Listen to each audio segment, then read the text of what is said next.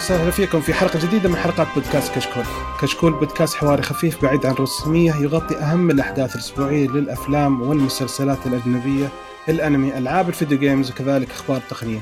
اليوم بنقدم لكم حلقة 216 من بودكاست كشكول تقنية بنتكلم فيها في الفقرة الأولى هو لقاء مع الضيف الدكتور أدهم الغامدي وإن شاء الله بعد كذا ننتقل الفقرة الثانية وهي الأخبار المتفرقة بعدها ننتقل فقرة التسريبات ونجاوب على رسالتكم في فقرة اسأل كشكول تقنية في البداية أحب أذكركم أن تقييمك على آي تيونز مهم جدا ويفيدنا كثير ويساعدنا على الانتشار. ولا تنسون تتابعونا على تويتر وانستغرام ويوتيوب في فيديوهات جميلة بعد. نزل آخر فيديو كان عن الون بلس 8 والون بلس 8 برو okay نبدأ بتعريف الشباب. شلونك أخوي حسين؟ يا أهلا وسهلا. الحمد لله. محمسين للحلقة ومعنا ضيف رهيب. ما شاء الله. ومعنا. وهي يوجو زيمس هيك لا كمان- كويس رجعت له القديمه الحمد لله. كمان نحب نذكركم إن لنا حساب في باتريون اللي ودي يدعمنا بإذن الله بيكون له مزايا مستقبليه الحين نبدأ مع الضيف وهو الدكتور أدهم الغامدي واحد من رواد التقنيين في المملكة العربية السعودية وفي العالم العربي كله. حياك الله أخوي أخوي الدكتور آدم أهلا وسهلا الله يحييك. كيف حالكم؟ الله يعطيك العافية. شكرا آه، مرورك علينا واستضافتك جميله إن شاء الله. الشكر موصول لكم يعطيكم العافية. الله يعطيك العافية أبوي. آه في البداية إحنا نبغى نتكلم في اوجه التقنية عموما فما في موضوع معين بس آه نبغى نتعرف لو تعطينا نبذة صغيرة عنك أو بداياتك زي كذا. التقنية طبعا إي نعم. التقنية طيب أنا أدهم طبعا بديت آه، فعليا بديت في مجالات كثير قبل التقنية في عالم الإنترنت بس بالتقنية تقريبا بديت من ستة سبع سنوات كانت البداية من عالم بلاك بيري يمكن يكون في كثير ما زال يتذكر هذه الحقبة.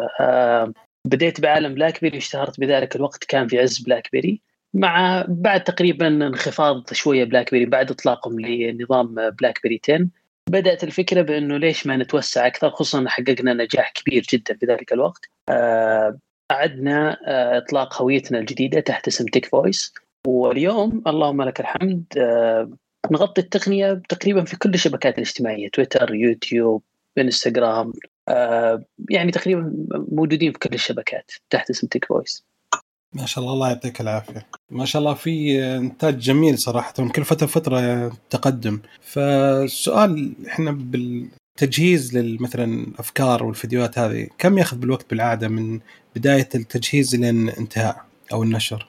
والله ياخذ وقت صراحة آه ما في وقت معين بس ياخذ يعني بعض الحلقات تاخذ الأسبوع بعضها تاخذ أسبوعين صراحة حسب الحلقة. في صراحة في م... في يعني شيء ممتاز صراحة آه، فيديوهات الف... الأخبار اللي تنزلها فترة بسيطة هذه صراحة من المعجب فيها جدا وأتابعها باستمرار.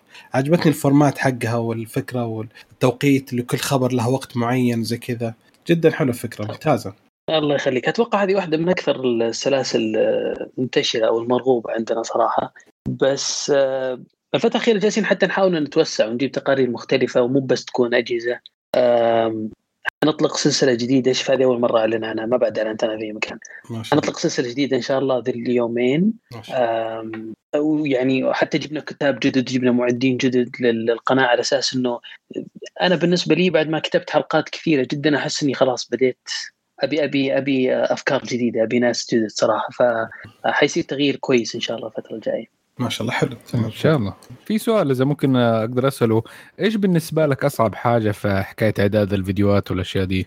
من اي ناحية الكتابة يعني؟ اللي ياخذ أكثر فترة زمنية أطول فترة زمنية. وأصعب شيء صراحة إنك تلقى الفكرة.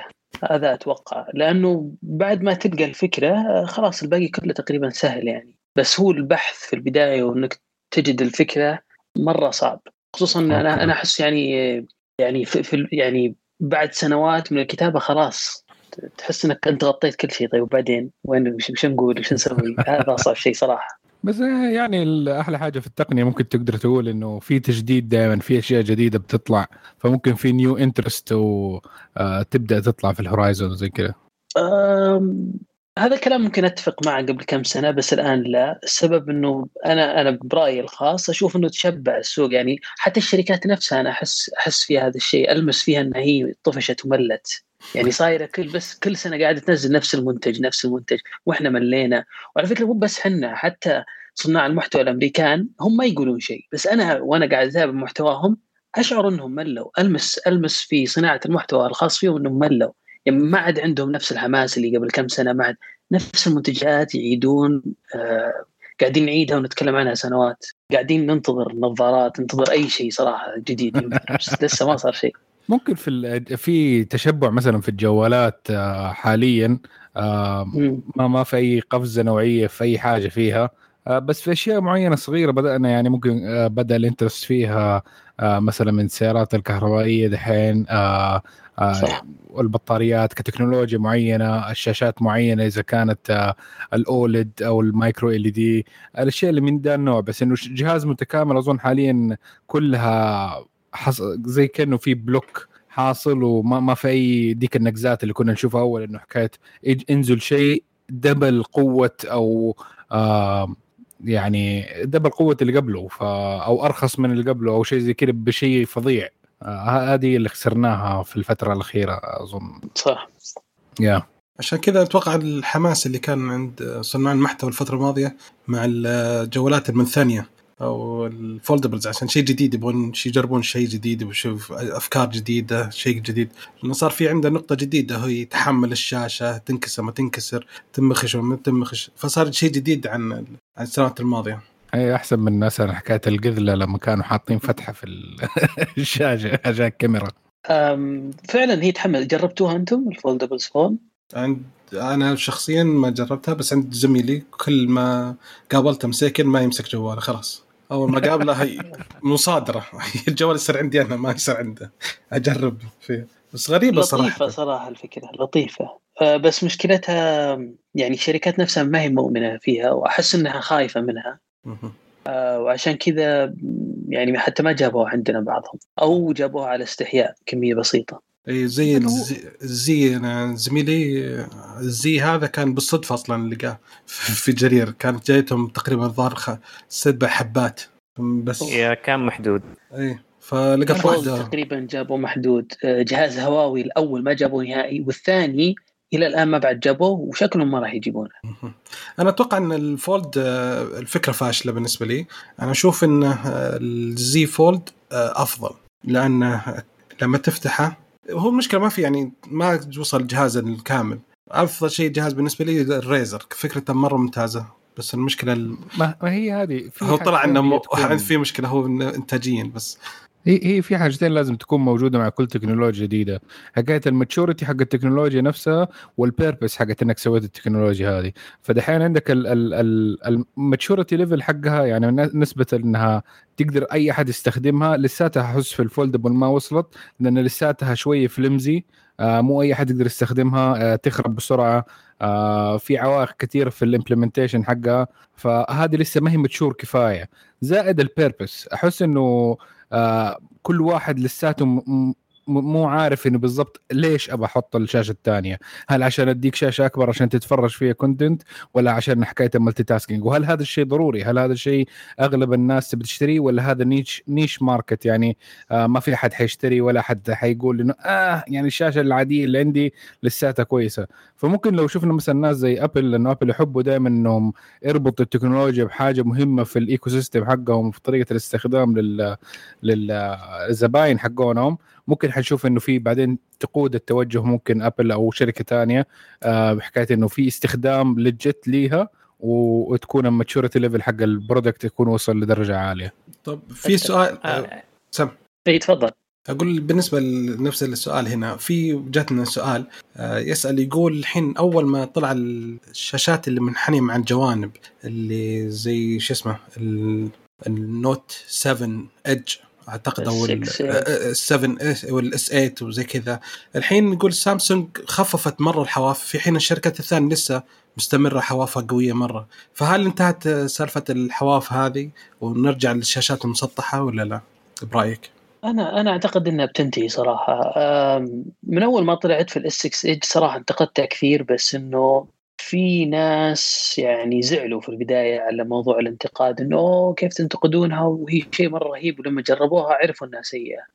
آه المشكلة وين؟ إن هي كانت مرة مكلفة فعشان كذا الشركات الثانية ما سوتها.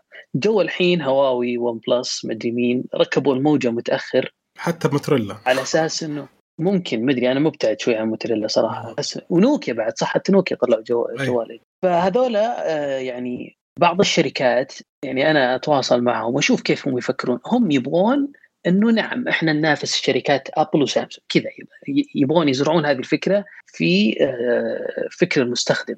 فيبدا يروح يقلدهم. طيب مم. أنتم اليوم يعني لا تقلدونه بس أنتم تعالوا شوفوا سامسونج تراجعت عنها. فأنا أتصور إن الشركات حتى تراجع يعني مثلا حتى هواوي لو شفت ال P40 Pro تراجعت عنها إيه. شالتها. فأعتقد إنه الشركات حتتراجع عنها أنا اشوفها سيئه صراحة جدا جدا سيئه أي احتكاك على طول سلام الشاشة تروح عليك.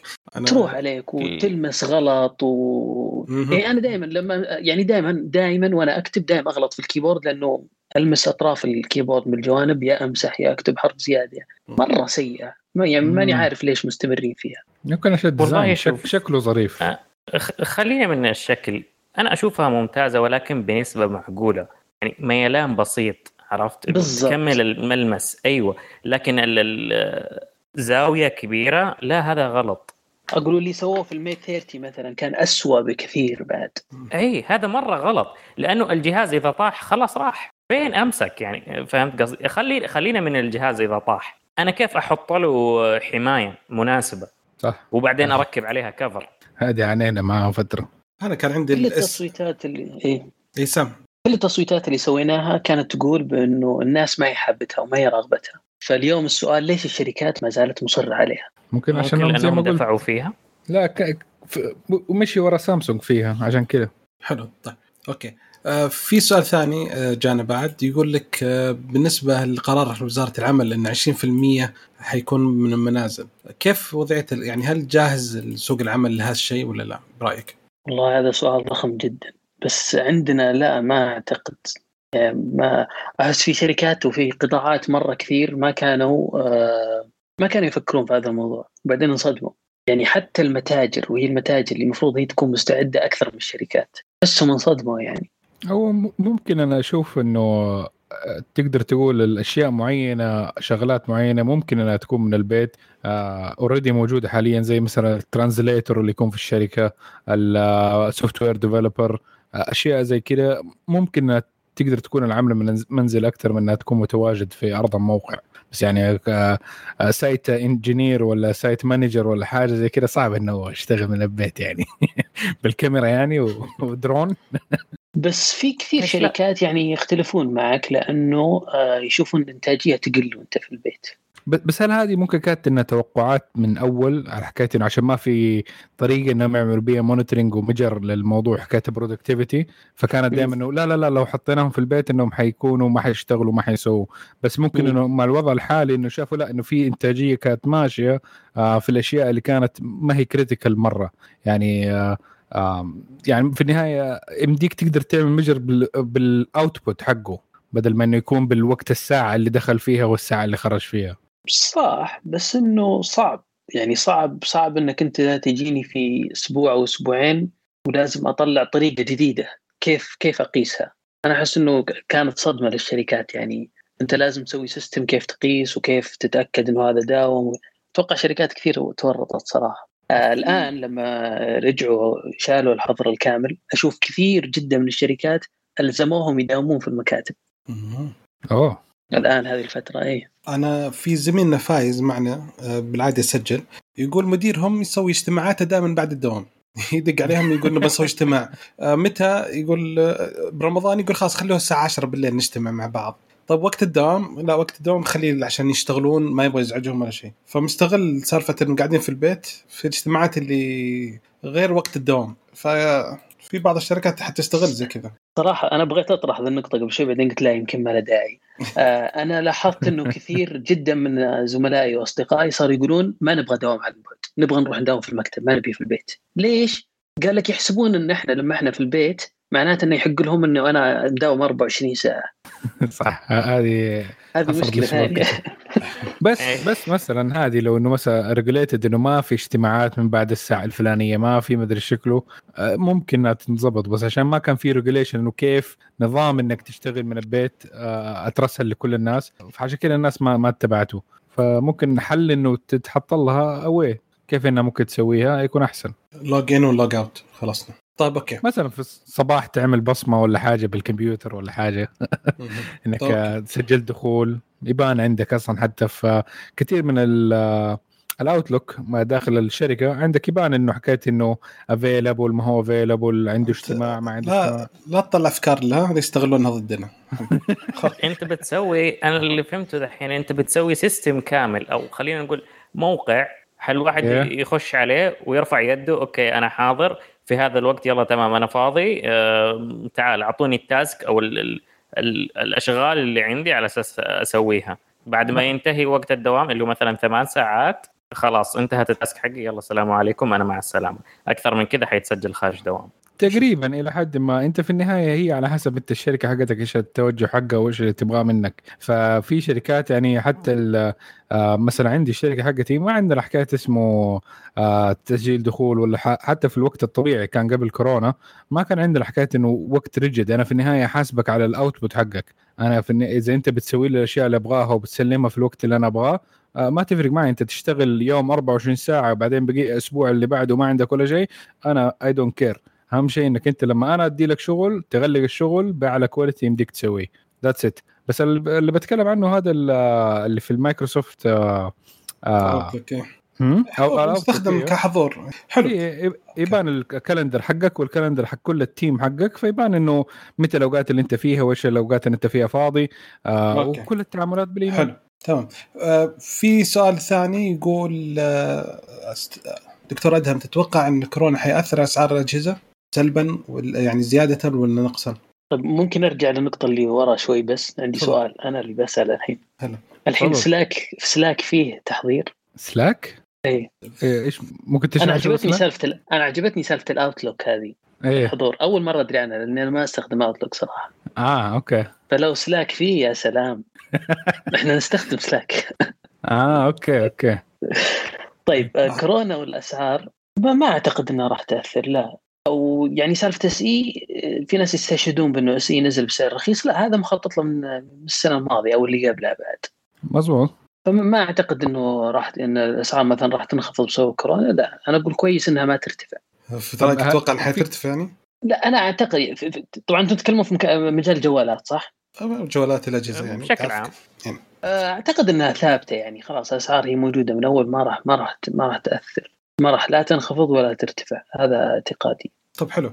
في سؤال ثاني بعد جاء نفس الشيء. آه يقول. Apple أول ما هي أول جج... آه أول شركة بدأت في الأجهزة ال1000 دولار ولحقتها الشركات الثانية. الحين نزلت جهاز ال SE ب 400 دولار. هل تتوقع مم. إن سامسونج والأجهزة الثانية حتبدا مرة ثانية ترجع تنزل أجهزة ثانية تنافس فيها Apple؟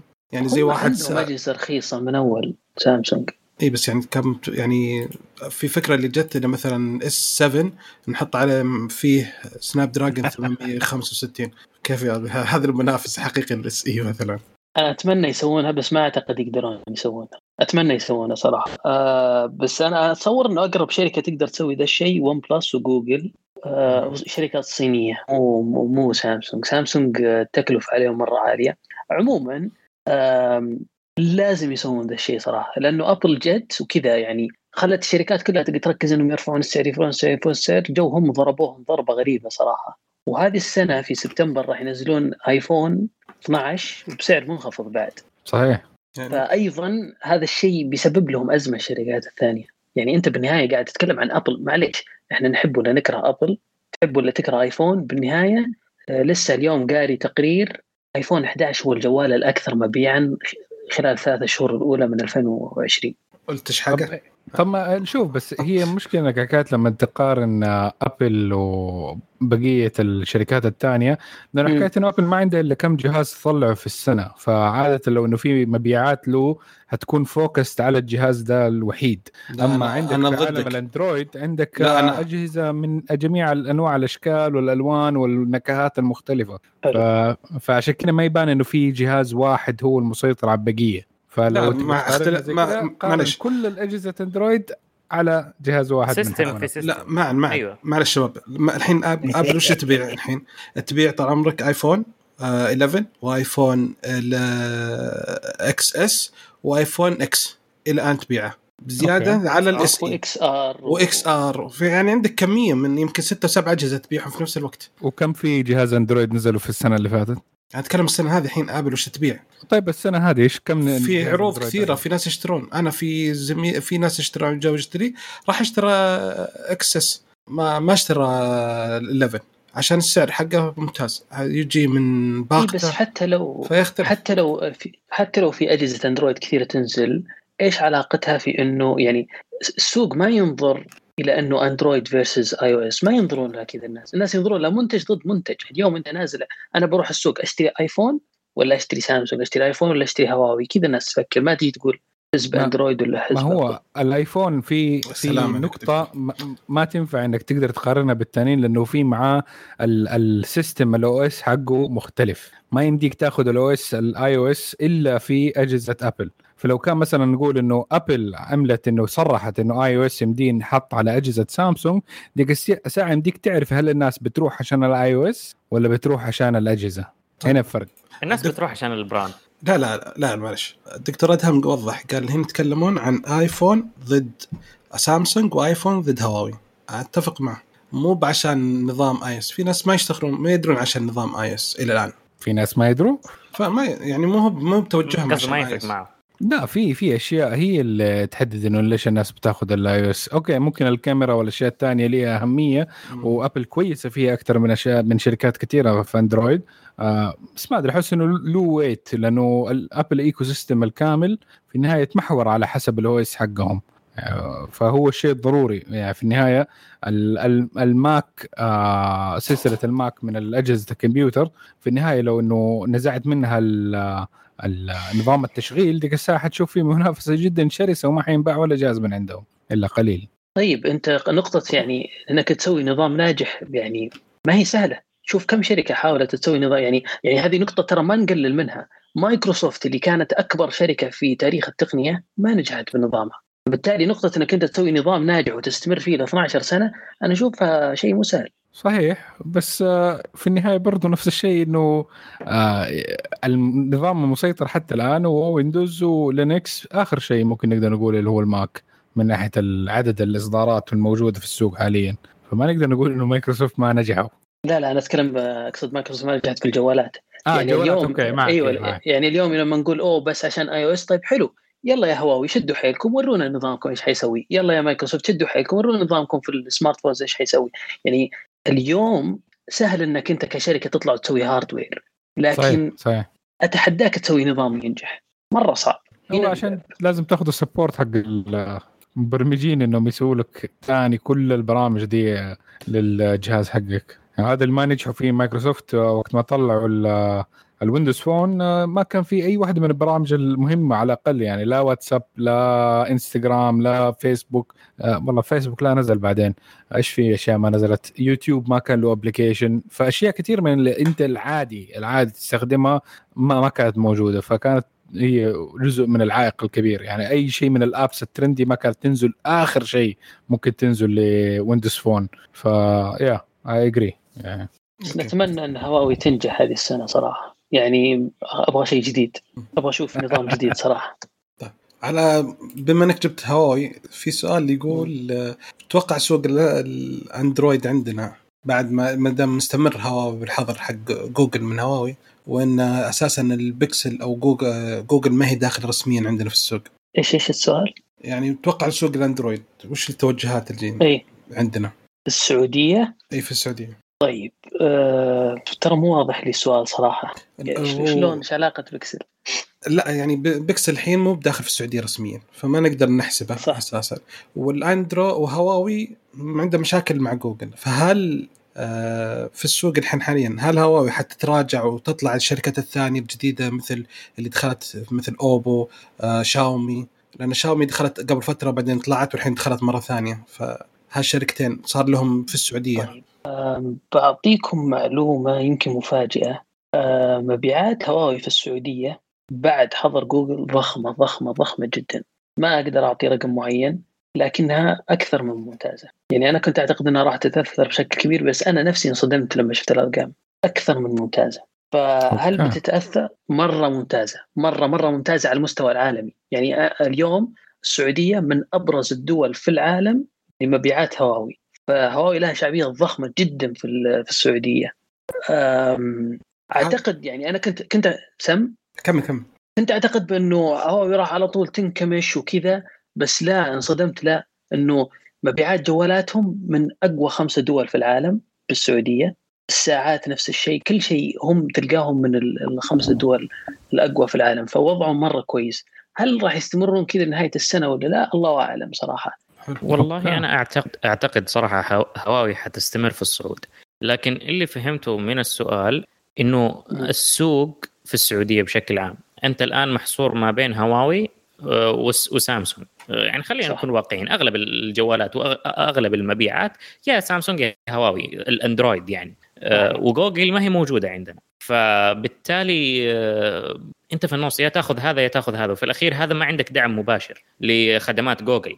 لازم أنت تركبه بطريقة شمال يمين فوق تحت. فهذه هي الحكمة. لكن مع ذلك مبيعات هواوي ما شاء الله داعسة. مرتفعة. أنا أتفق مع أدم في الجزئية هذه. ما هي بسيطة إنك تحرك هواوي. خصوصا إنه بين فترة وفترة قاعد يطلع آه، خبر إنه حنشوف برضو في فقرة الأخبار إنه آه، هواوي قاعدة تتوصل لاتفاق أو يجيها من هنا آه، تمرير أو يجيها من هناك استثناء. الشركات ما هي قادرة. بالإضافة لشركات الاتصالات نفسها متعاقدة مع هواوي. اتصالات هنا شركات الاتصالات في السعودية الأبراج ال 5G هواوي. صحيح. أيوه فهي still آه، ماسكة أرضها هنا يعني لا زالت قوية ما اهتزت. ممكن تقول إنها اهتزت في أوروبا واهتزت في أمريكا لكن ما ظنيتي عندنا في السوق. أظن هي أكثر شيء يحسبوا الناس إنه هواوي ضعيفه في في العالم عشان آه، أمريكا أظن لغاية دحين آه، هواوي ما خشت رسميا بقوة فيها عشان كذا. بس بقية دول العالم أظن من ناحية أوروبا والشرق الأوسط داخلة بقوة ف ممكن عشان كذا أرقام ممكن تكون مختلفة. لو شفت أمريكا زاد غير الجلوبال اي هم ممنوعين من البيع في أمريكا بس مثلا في أوروبا في كل دولة من أوروبا تلقاهم من الأربع أوائل يا الأول يا الثاني يا الثالث يعني في هذه الحدود. صحيح. آه في السعودية ترى صاروا الأول صاروا الأول قبل قبل فترة. آه بالراحه حيصيرون.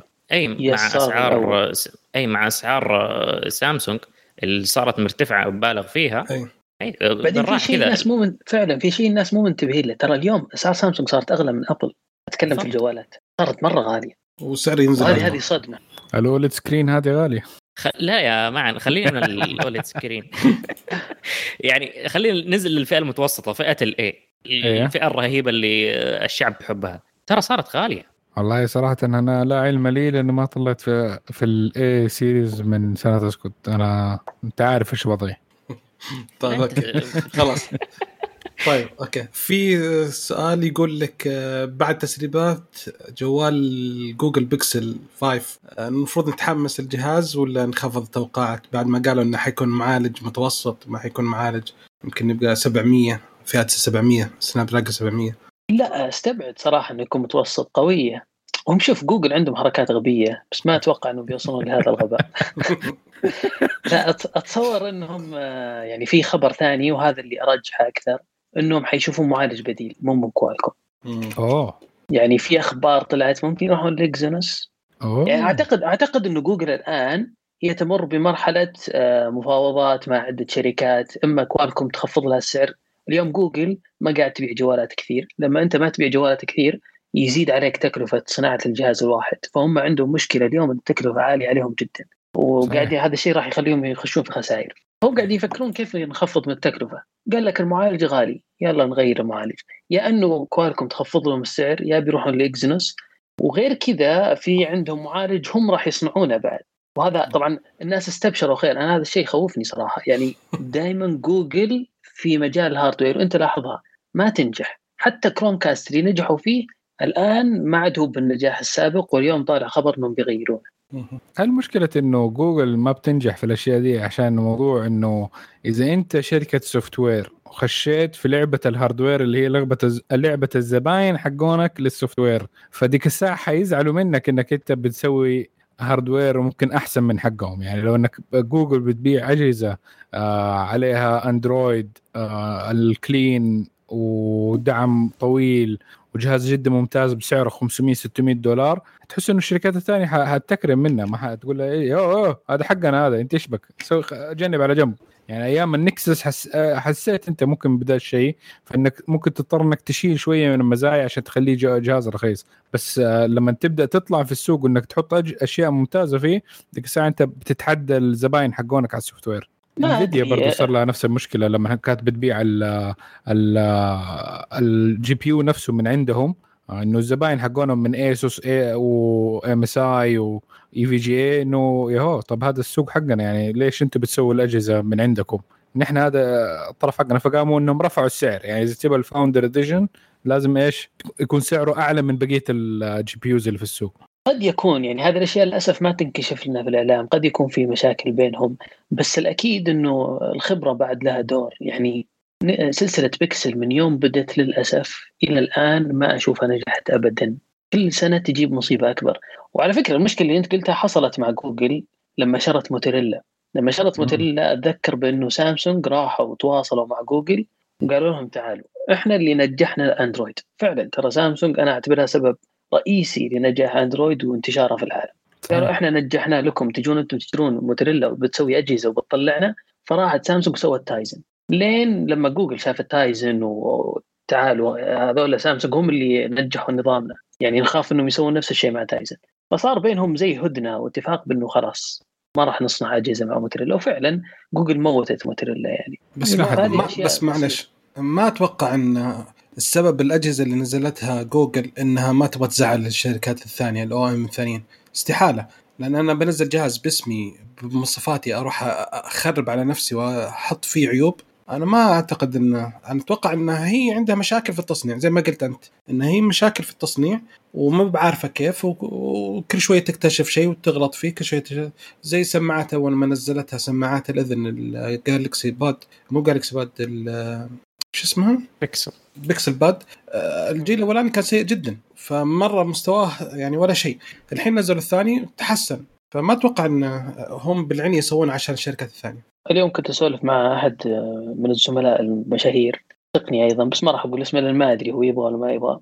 كنا قاعدين نسولف عن هذا الموضوع. هذا بعدين نضيف نجيب الضيف عندنا مو مشكلة. إي مو مو ممكن. فكنت أسولف معه وكنت أقول له يا أخي ما تلاحظ جوجل مؤخرا من يوم فصلوه عن الفابت ومسكها ساندر بيتشاي صاير وضعها سيء. قال ليش؟ قلت أنا أقول لك ليش. تعال شوف كل المنتجات اللي شغال عليها. حوسة كلها حوسة حوسة. ما عندهم إلا أندرويد اللي ناجح. أكيد جوجل ويوتيوب والخرائط وهذه ال- البرامج المليارديرية. لكن أي مشروع جديد قاعدين يسوونه قاعدين يخربطون فيه. كل شيء سماعات التابلت الغوها اللابتوب حقهم ما أدري وش وضعه. آه اليوم طالع خبر بأنه كل طبعا هم عندهم تطبيقات تواصل مرة كثيرة. مسج وميت ومدري إيش هذه كلها راحوا أعطوها إدارة جديدة وما استبعد بكرة بيقول لك كل هذه راح تلغي وراح ندخلها في تطبيق واحد وعندهم مشاريع كثيرة قاعدة تلغي وعندهم يعني فعلا أنا أشعر بانه جوجل حتى الناس حتى لما نغطي الأخبار الناس بدأ يعني لما نقول جوجل أطلقت المشروع الفلاني إيش يقولوا لي؟ يلا متى بتكنسله؟ الناس بدا يجيهم هذا الشعور. هذا شيء سيء ترى مو كويس. مست- مستنين على طول يموت المشروع على طول. يعني أعتقد إن جوجل هي اللي جابتها لنفسها صراحة. أنا أعتقد ما أدري والله من بعد ساندر بيتشاي ما أدري وش صاير لهم أنا أحب جوجل وأتمنى إنهم يشوفوا لهم حل صراحة. نكلمهم يشيلون لساندر بيتشاي يحطون واحد ثاني. يبغى لهم والله. ليته يرجع مؤسس الشركة. كان ممتاز جدا. آه، okay. في آه، في سؤال من معن سألني. قال خلنا نسأل الضيف يقول جهازك القادم هل يكون بمعالج بمعالج انتل أو AMD؟ ما تفرق معي صراحة سؤال مرة تفرق مع. معن جرحته ما تفرق معي هو AMD فعلا لا طب قبل لا أجاوب إيش تفرق معك يا معن؟ لا ب- بما إنه الصعود الحالي ل AMD في ال في الاجهزه في ال processors آه. في ال desktop زاد ال laptops حاليا يعني فقلت ممكن إنه في بدأ ريحة تغيير ممكن وصلتك ولا شيء؟ لا لا ما أعتقد الحين سامسونج بيشتغلوا مع AMD المفروض تنبسط أنت. أكيد طبعا. Exynos زائد Vega ولا آه ال GPU الجديد؟ ليه لا؟ اي حتى طلعت أرقام إنه بيكون ممتاز جدا. أنا صراحة ترى ما تفرق معي الأسماء يفرق معي الأداء مرة. بالضبط صحيح. بس, بس برضو المنافسة شيء ضروري. هي هذه ال- إذا ما كان في منافسة ما نحن اللي حنخسر لأنه إذا فاكرين آه انتل كانت آه في السنين اللي فاتت معيشتنا إنه i 7 معناها أربعة كور زائد آه أربعة virtual ف 8 threads إيش تحتاج أكثر من كذا ما تحتاج. كم سعره؟ ب 400 دولار. ما ما عندك إلا هذا السعر. لما جات AMD دحين وحطت لك إنه okay أنتم تبغوا أكثر من أربعة إيش رأيكم في 8 طب إيش رأيكم في 16 إيش رأيكم في 32 وبأسعار جدا منافسة. ديك الساعة قالت انتل آه إيوه أنتوا تبوا كنتوا هذا. طب نحن حنسوي لكم 8 عادي عادي ما مشكلة. وآخر إصدار عندهم دحين آه، من ال 10 generation حقهم ال 10900 K. هو 10 core ما شاء الله. بنفس التصنيع القديم ال 14 نانومتر سبحان الله من فين لكم هذا؟ طيب. Okay. لا بس آه، أدهم قال كلمة بس أنت أنا ما ودي انتل ما ودي أنا صراحة تخسر السوق. لا لا هي ما حتخسر. هي انتل الك... يعني قاعدة مسيطرة خلال العشر سنين اللي فاتت لأنه تسأل أي أحد دحين طبيعي في ال... في السوق دحين تقول له AMD يقول لك إيش هذا؟ خلاص انمحت لأن مع إنها كانت مسيطرة ممكن أو كانت على equal footing في level واحد بينها وبين انتل لأنه كان في عندك choice في العشر سنين اللي فاتت آه، ما حد يسمع إلا انتل يعني لو قلت له هذا اللابتوب AMD يقول لك إيش يعني؟ هذا مو كويس يعني؟ ف ما حتخسر. عندها أسواق مختلفة من ناحية ال AI وال accelerators والأشياء دي already established وما حيخسروها. فبس إنه AMD شوية أكلت دحين في الفترة الأخيرة شوية من الماركت شير بس ولا شيء 20% طب حلو. طب ليش ما تبغى أدهم إن انتل اللي تخسر؟ يعني ما أبغى منافس يخرج. كفاية إنهم خسروا سوق الجوالات. ليش يطلعون؟ بعد ما طلعوا من بس بس بصراحة آه، أرجع أقول هذا طبعا كلامي هذا ما راح يعجب كل التقنيين أنا عارف. أنا من الناس اللي لما جيت وسويت تيك فويس في البداية كان في سياسة آه، إنه ما نركز على الأرقام وإنه ما نركز على معالج من وين ولا تبغى تقدر تروح تفتح أي موقع تفتح جوجل وتبحث عن المواصفات وتشوفها. بس كلنا نعرف اليوم بأنه يعني مو شرط الأرقام هي كل شيء. فبالتالي عشان كذا أنا اليوم ترى ما يهمني كثير معالج من مين. المشكلة اللي ممكن يعني يعني سواء جاء من انتل أهم شيء الأداء كويس أداء ممتاز جدا. أتوقع إنه هذا ترى اللي يهم المستخدم العادي. ما, ما, ما يهمه كم core وكم أعتقد كذا. صحيح. ممكن تطيح في مشكلة إذا ممكن تطيح في مشكلة إذا إن انتل معالجك okay تعال لحظة. أنت عندك نفس الجهاز زي ما قاعد يسوون سامسونج. عندك نفس الجهاز قاعد توفر بمعالجين في فرق أداء. هنا ممكن الناس يبدون يفكرون. جهازك يستهلك بطارية كثير المعالج يستهلك بطارية كثير في حرارة في مشاكل. إذا في مشاكل هذا موضوع مرة مختلف. ما هذه هذه اللي دحين حاصل في السوق. يعني معالجات اي ام دي الجديدة في اللابتوبات اللي نزلت السنة دي آه 15 واط. يعني تقريبا آه آه ثلث مثلا أو إذا كانت إنتل عندها معالج بنفس القوة حقت ال 15 واط من AMD حيكون بيسحب 60 واط. عشان يقعد يكون في equal footing وأنت تعرف إنه في اللابتوبات البطارية يعني أهم شيء إنها تقعد تطول. فإذا كانت AMD قادرة إنها تجيب نفس الأداء بس اللهم بالثلث الكهرباء اللي تستخدمه فهذا شيء جدا ممتاز. ونفس الشيء في ال desktop. لما دحين تجي AMD قاعد تبيع لك آه، معالجات بسعر 130 دولار آه، بتغلب آه، معالجات كانت ال top of the range قبل ثلاث سنين. فشيء ممتاز ممتاز للمستهلك فهو بس ال recognition كثير ناس ما يعرفوا الشيء ده. صح. حلو. في سؤال آه، من أخ شعيب أحمد. سأل سؤال يقول مع انتشار العمل عن بعد ما تشوفون إنها مجازفة لما تعطي المؤسسات الموظفينها access للشبكة الداخلية من خلال أجهزتهم الخاصة؟ وإذا حصل كيف تضمن المؤسسة حماية شبكاتها رغم عدم تحكمها الكامل بالأجهزة المتصله بالأجهزة المتصلة من الخارج. والله إلا في مجازفه طبعا. واساسا ما شاء الله الهاكرز الحين متفرغين يعني قاعدين يخترقون الشبكات و... هم قاعدين في البيت أساسا من أول جاتهم فرصة. إي يعني فعلا هذه الأيام يوميا أقرأ عن اختراقات شبكات شركات ومستشفيات فنعم في مجازفه بس أنت اليوم بعد ما تقدر توقف شغل. وهذا سبب هذا هذا سبب إضافي يرجعنا للسؤال اللي قبل شوي. هذا سبب إضافي ليش الموظفين لازم يداوموا في المكاتب مو في على فكرة ترى إحنا في تيك فويس نشتغل عن بعد من زمان من قبل كورونا. ما شاء الله. لكن آه، أنا توصلت لقناعة إنه العمل آه، بالمكتب أفضل. نحن في كشكول ما شاء الله بنشتغل عن بعد آه، وعن بعد المناطق وعن بعد ال continents وكل شيء. بالضبط وهذا اللي صاير معنا. بس بالنهاية الآن بادي يصير عندي توجه بأنه لا خلينا نكون في المكتب كلنا. اولا العمل يصير أسرع والإنتاجية تزيد. وما أشوف يعني يعني حتى مثلا ثلاث ولا أربع ساعات في المكتب تفرق عن عشر ساعات في البيت الظاهر. آه، أوكي. إيه، معك شوي. أنا في بعض المرات خصوصا لما تحتاج آه، قرار ولا شيء ولا توجه فأفضل من أنا من شخص أحب ال- بالوجه وجه بالوجه. ما أحب سالفة الرسائل. شباب الله يعطيهم العافية. عايشين في الواتساب. أنا سالفة الواتساب هذا تضايقني. هو يعرف شفت أنا عارف. نفس الشيء. لا لا أنا أنا معك في دي لا أرجع صراحة لما يجي واحد يكلمك شيء رسمي في الواتساب أنا إنسان ما طالع في الواتساب إلا مرتين في اليوم. آه، صعبة يعني شوية. آه، يقول لي مثلا عندك اجتماع في الوقت الفلاني وراسل لي هي واتساب يعني طب كان دقيت تليفون؟ كان رسالة جوال؟ إيميل؟ ما في. شيء. بعدين مثلا إحنا عندنا في مجال صناعة المحتوى عندنا مونتير يشتغل على فيديو مثلا خلاص؟ تخيل إنه هو يسوي تعديلات معينة يعني أنا لو إني جنبه أقدر مثلا والله أعتمد بعض الشغلات ونخلصها بشكل سريع أو بفكرة معينة لكن لأنه أحيانا إحنا قاعدين نشتغل عن بعد فالموضوع ياخذ لوب وياخذ فترة أطول السبب إنه هو يخلص شغلة معينة بعدين يقول لا لحظة أول شيء يسوي لها رندر يرفعها لا أرفعها نشيك عليها نرجع نعطي تعديلات نرجع تاخذ وقت مرة طويل صح. طيب لو كلنا في فنعم أنا أشوف الإنتاجية في المكتب تعطيك يعني أفضل صراحة عندكم أسئلة شباب؟ نعم جود كويس آه، كذا صراحة. والله كذا خلصنا الأسئلة دكتور أدهم الله يعطيك العافية. إذا تبغى تتكلم عن أي شيء تفضل. آه، ما نبغى ناخذ وقت أكثر من اللي أعطتني. إياه، الله يجزاك خير. عارفين إنك مشغول. شكرا إنك جيتنا مرة ثانية.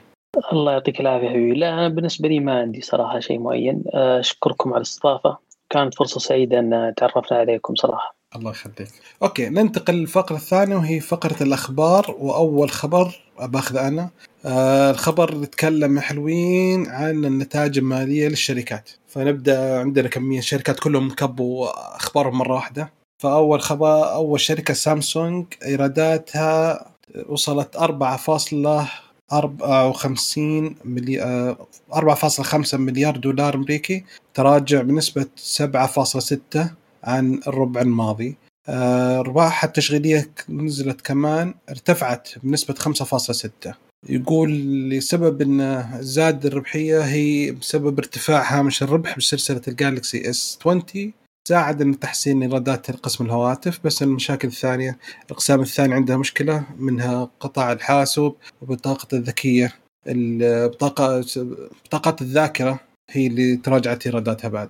أوكي. أوكي. alright كوالكم إيراداتها وصلت 5.2 أعلى من المتوقع بنسبة ضئيلة. كانت توقع 5.1 صار 5.2 آه، صافي الربح تراجع بنسبة 29% محقق 468 مليون دولار. وتتوقع انكماش سوق شحنات الهواتف نسبة 30% نهاية السنة. فيسبوك حققت 17.7 مليار دولار كعائدات إجمالية منها 4.9 مليار دولار أرباح صافية. العام الماضي كانت عائداتها 15 مليار زادت. وكانت نسبة أرباحها الصافية 2.4 هالسنة 4.9 يعني أكثر من خ- 100% زيادة. ما أدري كيف صارت. فيسبوك أي والله مستغربين مستخدمين. نشيطين يوميا. تخيل. كل شيء كم- عندهم. كم وصل المستخدم كل شيء عندهم. كل فضايحك عندهم. ولو مشكلة الناس يحطون. كم تخيل كم نسبة المستخدمين النشيطين في اليوم؟ كم كم؟ سكان الكوكب الأرض؟ 7 مليون؟ 7 مليار؟ اي لا تخيل 1.73 مليار مستخدم يوميا. يا رقم مو قريب يا الرقم وشهريا 2.6 مليار. شيء خرطم أوكي. طب هذا بيحسبوا فيها واتساب؟ لا هذه بس مايكروسوفت. ما في واتساب مايكروسوفت. ما في آه، شو اسمه آه، sorry مو هذا فيسبوك. ما في واتساب ما في انستغرام. أوف. إي أوف. مين العجائز دول اللي على 1.73 يا شيخ. لا في ناس زي ترى مصر ترى فيسبوك ما في مثل فيسبوك زي مصر وفي بعض الدول. إي إي. دول كثيرة الهند دول كثيرة الفيسبوك مسيطر فيها. مم.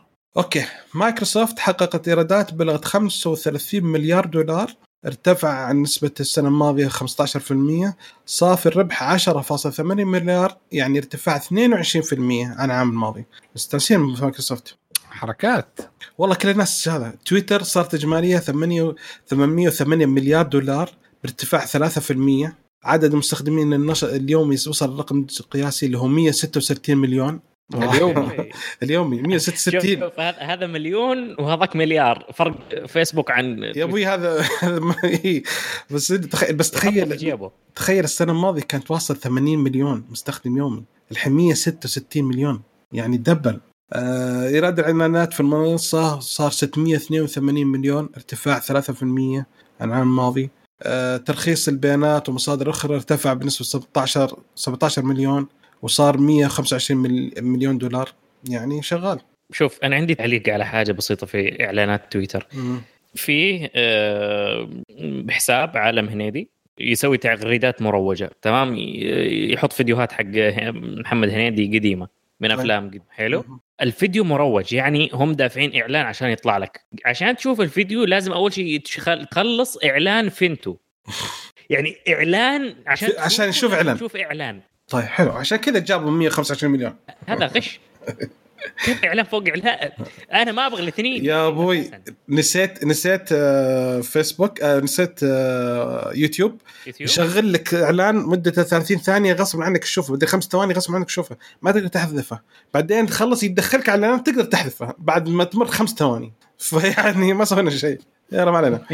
آخر شركة أعلنت. يبتزوك يبتزوك عشان تاخذ يوتيوب prime. أخذ. يوتيوب prime. تويتر إيش بتسوي؟ ما في. الله يعين. أوكي. أبل آه، حققت الشركة إيرادات ب 58.3 مليار دولار زيادة قدرها 1% عن العام الماضي آه، 13.3 مليار دولار إيرادات لقسم الخدمات بزيادة 2.2 مليار دولار عن العام الماضي. الخدمات ارتفعت. مبيعات الآيفون ب 28 مليار نزلت مقارنة 31 مليار. أوكي. آه، مبيعات آه، الأجهزة الآيباد 4.37 مليار الماك 5.35 مليار مبيعات الخدم ال wearables أو تلبس الساعات و 6.3 مليار دولار. فكل الشركات محققة أرباح. طيب، الناس قاعدين أنواع الشراء. قاعد في البيت واشتري. والله أنا أطلب أجهزة. بس دحين لحظة. آه، مبيعات أبل إيش أعلى شيء من الأجهزة؟ ايفون الآيفون؟ اي 28 مليار. بعده؟ الآيباد ولا ال wearable؟ آيباد الماك خمسة آه لا ال wearables صار الحين 6.3 بعدين الماك 5.3 بعدين الآيباد 4.3 مع إنه الآيباد هو الجهاز الآيباد وال wearable هي اللي تستاهل صراحة في ابل ما جربت الماك أجل أجهزة الماك. لا ما جربتها بس آه، أمس في واحد مرسل لي آه، مسكين الرجال جاي يشغل جهازه طالع له كذا ملف وعلامة استفهام طلع عنده كيبل لازم يغيره. الله يعين عادي طيب وش فيه؟ عادي. أول ما- مرة يعني أول جهاز يخرب الدنيا يعني إيش سوى الناس أجهزة الويندوز اللي مرة ما تخرب أجل. يا عم يمشي. المهم ما علينا. شيل آه، شيل شيل. السيرفس وبعدين تعال. ولا السيرفس ولا شيء. هذا عند خوينا عنده سيرفس متورط فيه. آه قلت له والله بغيت أجيب بشتري لك اياه هدية. ما أنا قدرت. السيرفس حقه طالع له مشكلة بسيطة الحين جديدة. مشكلة بسيطة. إيش؟ إيش؟ لما يشغل ال- الويندوز كلها تصير شفافة. ها؟ ما فهمت. اللي عندك الحين لما تفتح انت ويندوز أيوه. تفتح تطبيق مثلا تفتح آه، وورد أوكي. أوكي. يطلع لك شفاف. عشان تشوف الخلفية حق أيوه بالضبط. اي عشان تشوف الخلفية. ولما تفت- انت إي أنا أنا. ماسكه غلط. أنا غ... أنا أنا ماسك غلط. أوكي وتفتح مثلا اكسل يطلع لك الاكسل وتشوف تحت الوورد وتشوف تحت الخلفية. يا سلام أيوه عليك. عشان شوف بدل ما تسوي الشاشة split تحط هنا برنامج وهنا برنامج كذا. خلاص خليه في الخلفية واكتب فوقه. يا سلام يا سلام يا سلام. إيه معلش بس سؤال ص... لا لا سؤال صدق. هذه مشكلة سوفت وير ما هي مشكلة هاردوير صح؟ صح. يب. اي أنا قلت له قال يقول لي أنا بشكله خربان الجهاز بروح أصلحه. قلت هذا software وليس hardware استحالة يكون hard الشاشة ما مو مسألة الشاشة انها خربت ولا خبطت شيء صار شفافة. لا ما يصير كذا. الشاشة تخرب ما يختفي جزء ما تنور ما شيء هذا ممكن. اللون يروح. لون لون يروح صح؟ يطلع لك آه، العكسية لون عكسية يقلب لك هذا أوكي. بس إنه ما يصير إنه أوكي ما علينا. برنامج شفه. هذه هذه حلوة. والله ميزة حلوة يا شيخ. الشغل خفيف غصب عنك. المهم ما علينا. عطنا خبر أوبر يا حسين. أوكي. أوبر أوبر أوبر أوبر. أوبر إيتس طلع من السعودية وأسواق ثانية آه، في المنطقة ودول ثانية يعني للأسف. أنا آه، فكرت أنا صراحة ما. جربت. هم رسلوا إيميلات لكل المستخدمين بإنه خلاص آه، مع السلامة. ودعنا. اي بس في حدد في يوم عد معين حددوه الظاهر. صح؟ 10 ماي أو زي كذا صح؟ آه، 4 مايو صح؟ سوري 4 مايو. اي خلاص راحت ف... عليك. okay. آه، محددين آه، بتاريخ 4 مايو لكن الحكاية مو مع Uber Eats مم. الحكاية مع Uber بشكل عام هذه جزئية والجزئية الثانية تطبيقات الأكل أو توصيل الأكل في السعودية. مم. Uber ما هو أول Uber Eats ما هو أول تطبيق يطلع من السعودية. Uber Eats تطبيق محترم. كل مم، الشباب صح. اللي اعرفهم يمدحونه أنا ما جربته لكن آه، الجميع يمدحه آه، أحسن من وليد هانجر ستيشن. ها؟ أحسن من HungerStation لا. okay هذا معا هنا نجربه وأعطيك أحسن من HungerStation معا في الأكل خلاص انتهى الموضوع. خلاص. يعني صحيح. آه، خبير. رجال عزابي فخلاص شهادته تؤخذ بها. صحيح صحيح. قبل كورونا. طيب. آه الحكاية ذحين آه إنه الشركة هذه طلعت وما هي الشركة الوحيدة؟ ثلاثة تطبيقات تقريبا طلعت خلال سنة واحدة. Carriage اسمه كذا. Carriage. Carriage كا- Carriage ال- Yeah. الزبدة وسويفت ودحين Uber Eats. وسويفت لما طلع عنده مستحقات عالقة باقي أو معلقة باقي ما قد سواها مع الشركات الثانية أو مع. مستخدمين أو مستفيدين بشكل عام. قول Uber في السع... في الإمارات حيحول على كريم. بما إنه معتمد بس في السعودية باقي ما قد طلع أي كلام آه، رسمي أو أي شيء طب سؤال ما دام. إنه Uber مشتريه كريم فإيش فرق؟ ال direct implement يعني زي إيه بس مثلا كريم عندهم Careem Eats ولا Careem Food وعندهم كريم ف اي بس عندك كريم بعد عندك Uber. مشكلة ثانية بعد إنها أصلا حتى كريم مشت 536 موظف الأسبوع هذا. 31% من ق- من قدرتهم من الطاقم حقهم. أوف. نشوف الكمية لأنه خلاص الناس ما صارت عد... بس بس إيش ال reason يعني؟ اللي سرحوهم؟ يقول نزلت تراجعت أعمالهم بنسبة 80% آه. لا الناس ما عاد. صارت تستخدم التط... ما عاد صارت تطلع من البيت. فما ت- وين؟ وأوبر آه، بعد حتمشي 3700 موظف. هو مشت مو حتمشي مشت؟ مشت. آه مشت. يلا استنى. أيوه مشت. شايف كيف؟ آه الحكاية ما هي بسيطة فاولا في عندك جزئيتين. جزئية أزمة كورونا والجزئية الثانية اللي هو السوق. ما أدري ليش ما أحس في تطبيق حتى الآن قدر يفهم السوق ويشتغل فيه كويس. ممكن نقدر نقول بأنه فيه بس آه، مرسول. هذا هو الشيء اللي, اللي لا زال مستمر. ممكن لأنه مو محصور بس في الأكل محصور برضه في التسوق بشكل عام وايصال طلبات وما إلى ذلك. فهذا هو الخبر. وأعطونا رأيكم عليه في تويتر لأنه صراحة هذا هذا الموضوع حيطول شوية. لأنه الموضوع ما هو بس مجرد تطبيق قاعد يوصل لك أكل لا الموضوع مشكله ال... ال... أنا أشوفها مشكلة عدة تطبيقات. Uber Eats سويفت آه، Carriage مدري Carriage. فما بالك بشيء ممكن بعد كم يوم Uber كلها ممكن تطلع من السعودية. في واحد من تطبيقاته وقف في, في الرياض يعتذر إنه ما يشتغل. مرسول الظاهر وزي كذا. مرسول إيه وقف مرسول في الرياض بعد. قال ما نقدم خدمات توصيل في الرياض. بيقدم في المناطق الثانية بس الرياض لا. ف- فهذه شكلها مشكلة. أنا أعتقد إنها مشكلة في إدارية صراحة. مشكلة في إدارة التطبيق في طريقة تعاملهم تعامل ال- ال- المرس ال... ال... إيش نسوي؟ كابتن كابتن مرسول. في طريقة تعامل الإدارة نفسها مع كابتن مرسول نفسه. كيف في طريقة يأخذ الطلب كيف يستلم كيف يأخذ حسابه النسبة. أعتقد إن الموضوع كله في الحوسة هذه الإدارة هذه. خلينا نرجع لكريم. تقريبا تأخذ من المطعم 35% أو 31% والله ماني متذكر كم النسبة بالضبط من قيمة ال- الطلب. فالمبلغ اللي يأخذونه أو الحصة اللي يأخذونها كذا. فالحل الوحيد الآن قدام المطاعم انها هنا إنها ترجع للطريقة التقليدية إنه كل مطعم يكون عنده طاقم توصيل خاص فيه. وهذا الشيء حيكون مكلف وحيكون سيء. مو بس مكلف للمطعم حيكون سيء لل- للعميل أيضا. أكيد لأن في Carriage مثلا تقدر تطلب من أكثر من مطعم ويجيك. تحط أو نفس الشيء Uber Eats تطلب من أكثر من مطعم ويجيبه يجيب لك خلاص مرة واحدة مع بعض. الحين لا الحين لازم كل واحد ما لازم كل ما تاخذ بس أنا غريبه صراحة توقعت إنه حيكون آه يعني هذه فرصة. أنت ما تقدر تروح تاخذ الطلب من المطعم. خلاص شغال المفروض الطلبات حقات التطبيق التوصيل هذا فرصة الذهبية الحين.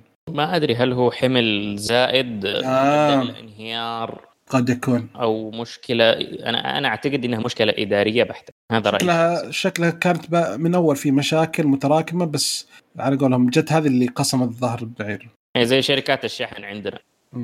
تبغانا نخش على الجرح الكبير ذحين؟ أنا إيش في بعد؟ مستعد أشرح لك. يا أخي لما تكون شركة شحن عالمية ومحترمه تجي عندنا السعودية تصير بايخة فاشلة ليش؟ already عندهم system والله عند يا أخي يا أخي عندهم أنظمة وطريقة ترتيبه مخازن وطريقة بناء مسوى عليها دراسات وقاعده تدرس في مناهج. حلو. تمام. ولما تجي السعودية هذا كله يروح على جنب ويفتحوا لهم مستودع ويشتغلوا بورقة وقلم. ليش؟ لأن الأخ اللي هنا هو يبغى يصير هو اللي يبغى يصير هو الاداري هو اللي أنا فاهم. خلاص خليني أنا أرتب امور ما يبغى يأخذ النظام. إن مستودعاتهم غلط. أنا ذيك المره مبنيه مبنية آه. غلط. مرتبة غلط. أنا واحد ارسل لي كتاب قبل فترة أحد الشركات يرسل لي على مكة قبل سنتين أو ثلاثة ماني متأكد. فارسل لي إياه قعدت أسبوعين أدور عنه وهم يقول ما وصل مكة. آخر شيء رحت لهم الفرع على طريق آه، جدة يرحم والديك وين وزي كذا قال والله شوف المستودع هناك رحت دور عنه. فرحت دخلت دورت أنا بنفسي لين ما لقيته وطلعت. لقيته واصل من لقيته واصل من كم؟ من 13 يوم. تخيل واصل ل 13 يوم كتاب قاعد وأنا جالس أستنى. نعم. okay. يعطيكم العافية. يا معن؟ yes وش موضوع الكوريين؟ والله الكوريين كويسين يعني. أكلهم لذيذ عندهم كيميتشي يا ساتر. نعم نعم. الله يكرم النعم. عندهم الأود أودون لذيذ برضو. آه Korean barbecue في أمريكا كان لذيذ برضو. خلينا نخلص الحلقة إيه. تعشى. شكلك جعان أنت. لا لا هو الخبر آه، إنه في باحثين كوريين آه، في معهد ال- آه، العلوم والتكنولوجيا في كوريا إنهم لقوا آه، عملوا development لبطارية جديدة ليثيوم okay نفس ال construct القديم بس اللهم stretchable يعني يمديها تتمط. فالفكرة كانت بإنهم استخدموا آه، آه، ال container حق ال- ال- ال lithium cells حيكون آه، خلايا ليثيوم على شكل آه، آه، خلايا خلايا النحل أيوه ال honeycomb. اي نعم.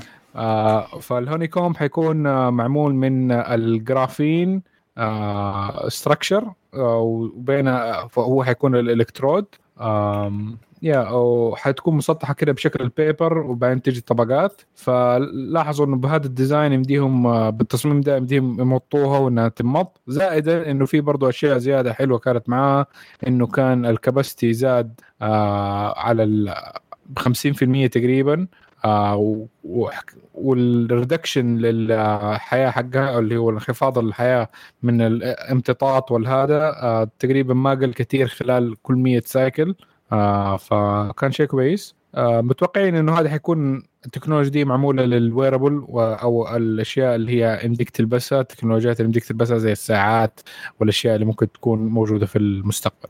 ف good for us خلينا نشوف. إذا توصلنا إن شاء الله نشوف. ال- الوصف يعني- حق البناء حقها ذكرني بكيكة خلية النحل. والله. جعانين مم. مرة. طيب خلينا خلينا نخلص عندنا أخبار واجد. خلينا نخلصها عشان تروح نتعشون انت وياه.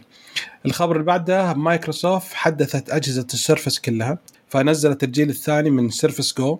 نفس التصميم الأولاني بس انها المعالج Intel الجديد آه، من نوع M زاد نسبة سرعة المعالج 64% وحطوا بعد آه، عشان تحسين جودة التقاط صوت استخدموا مايكروفون ستيريو.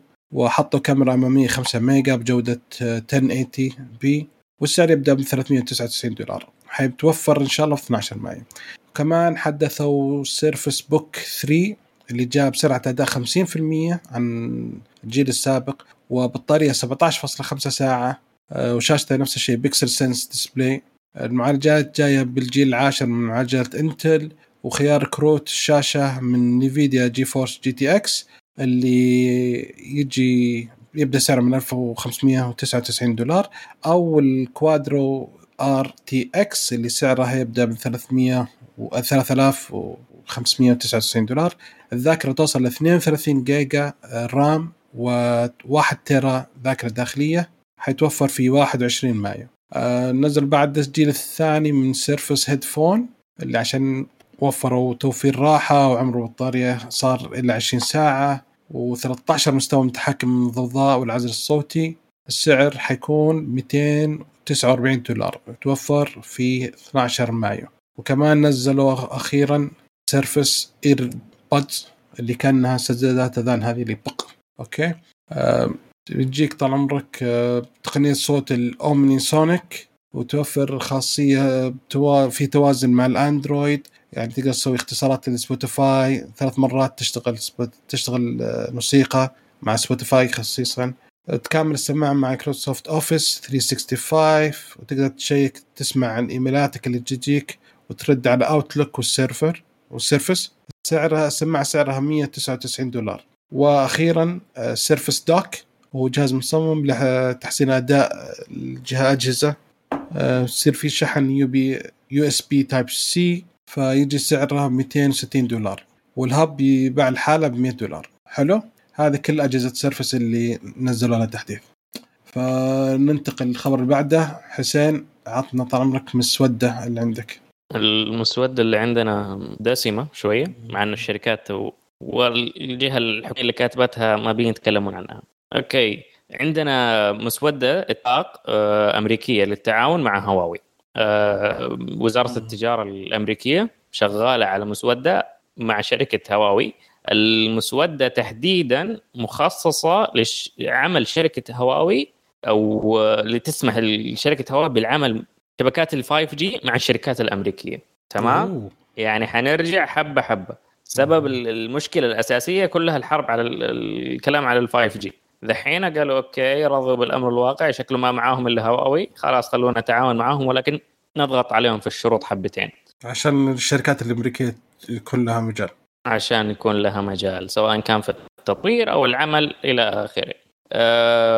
الخبر هذا طالع من أه، وكالة أه، رويترز. ولما سألوا الم- المتحدث أه، باسم وزارة التجارة الأمريكية رفض يعلق على الموضوع ونفس الشيء. آه، أي no comment نفس الشيء من شركة هواوي. فعلى ما يبدو أن الموضوع صحيح وأنهم شغالين على الحكاية هذه آه، تقريبا آه، مايو السنة مايو السنة الماضية كان بداية الحظر حق هواوي يوم صارت في القائمة السوداء للشركات الأمريكية بأنه ممنوع التعامل معاهم.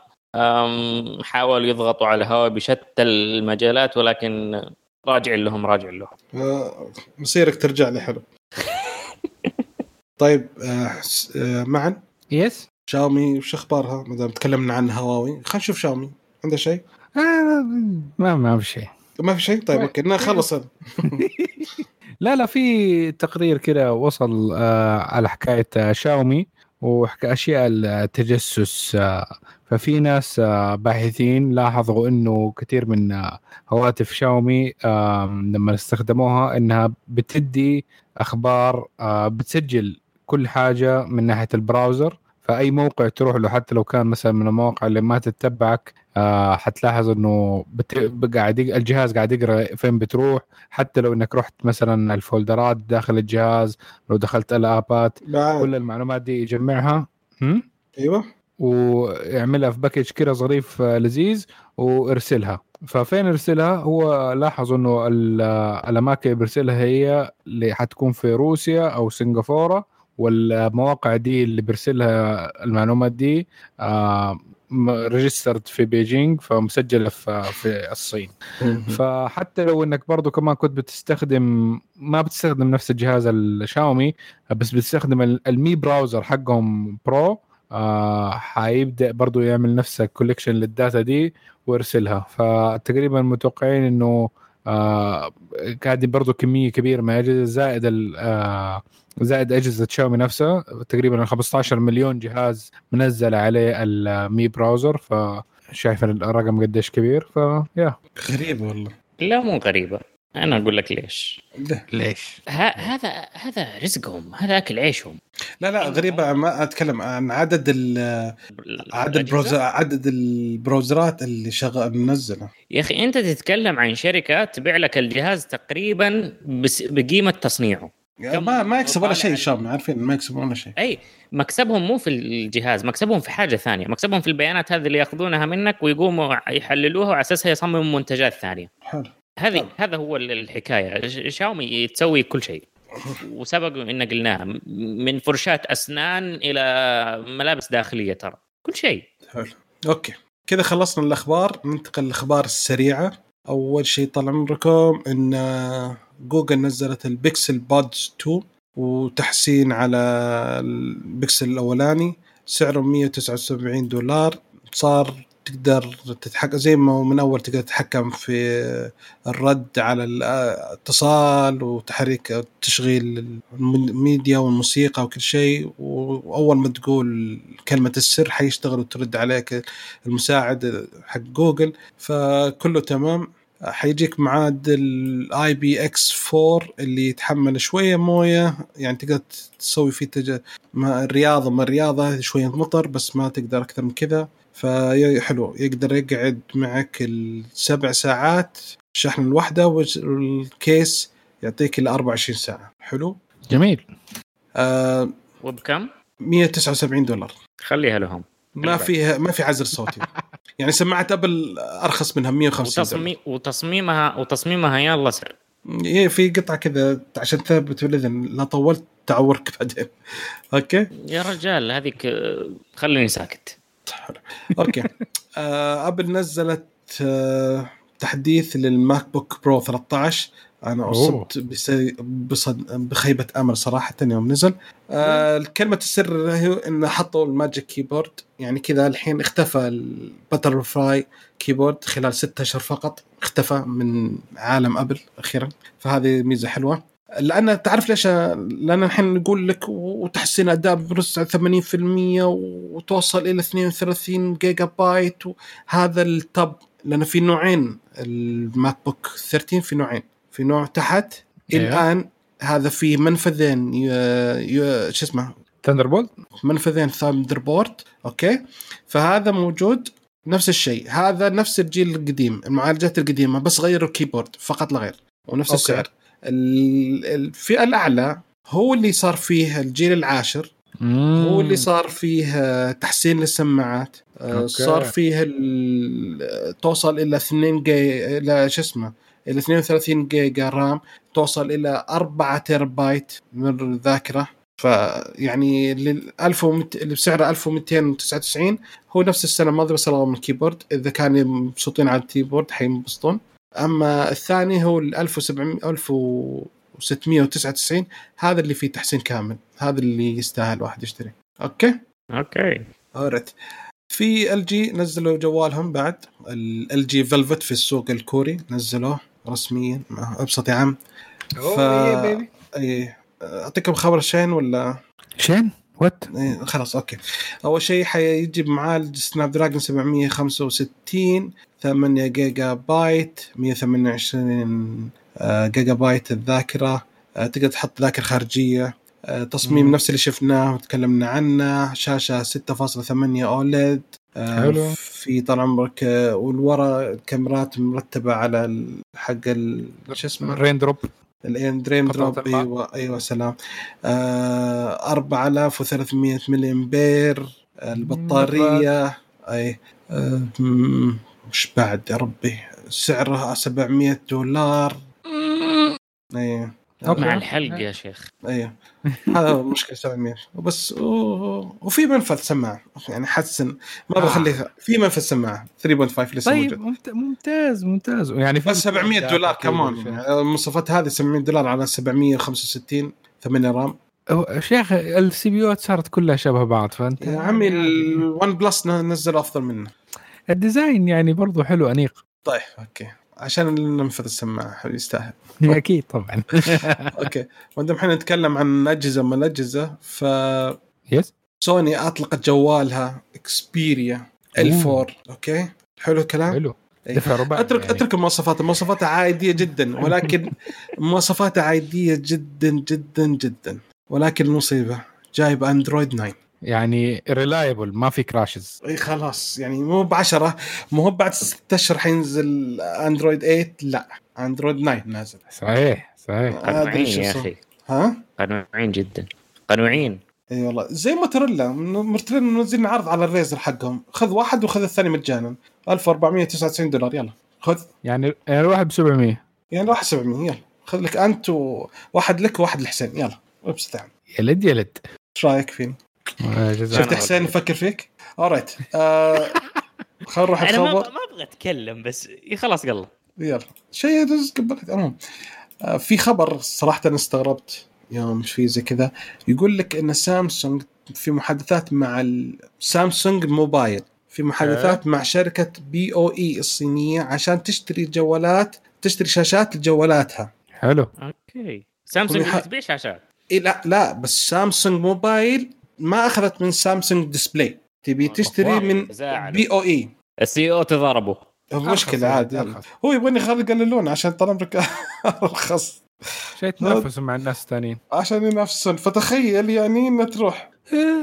اي بس المشكلة بس okay. سامسونج وسامسونج بشاشات BOE إيه جميل بس جداً. بس لاحظ لاحظ إن BOE هي أكبر مورد شاشات LCD في العالم. والحين سامسونج راح تتكلم معها عشان تسوي لها OLED. آه حيصنعوا ال OLED مع BOE إيوه.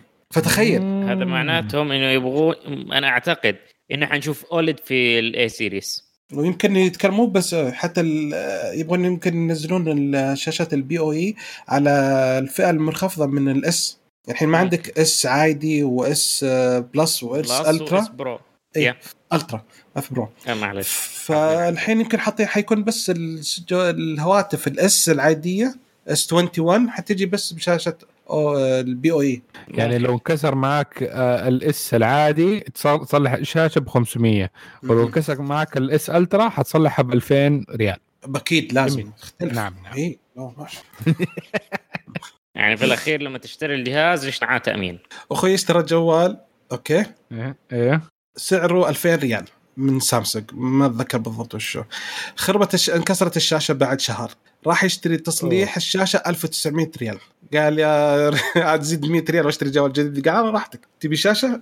ب 1900 تبي جوال جديد؟ ب 2000 فتخيل. دحين دحين يروح يشتري جوال جديد ويكون عنده قطع spare لو انخرب شيء في يا الجوال سلام يا سلام.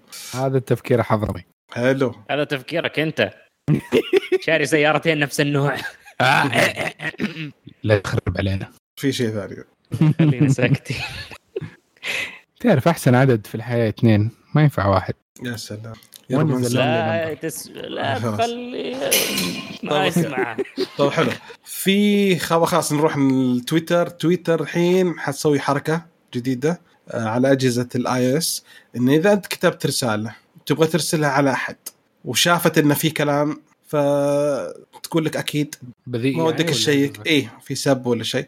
ما ودك تراجع نفسك الله لا يهينك. عشان ما نبغى نها- يعني ما نبغى نهدي نفوس فأكيد نرسلها زي ما هي ولا نخليها. صراحة الله يعطيهم العافية أنا أهنيهم. كويس. بس, بس- الأخطاء الاملائيه ما مرات برضو كمان لازم أقول لك أكيد؟ ما لهم دخل يسوي بس لا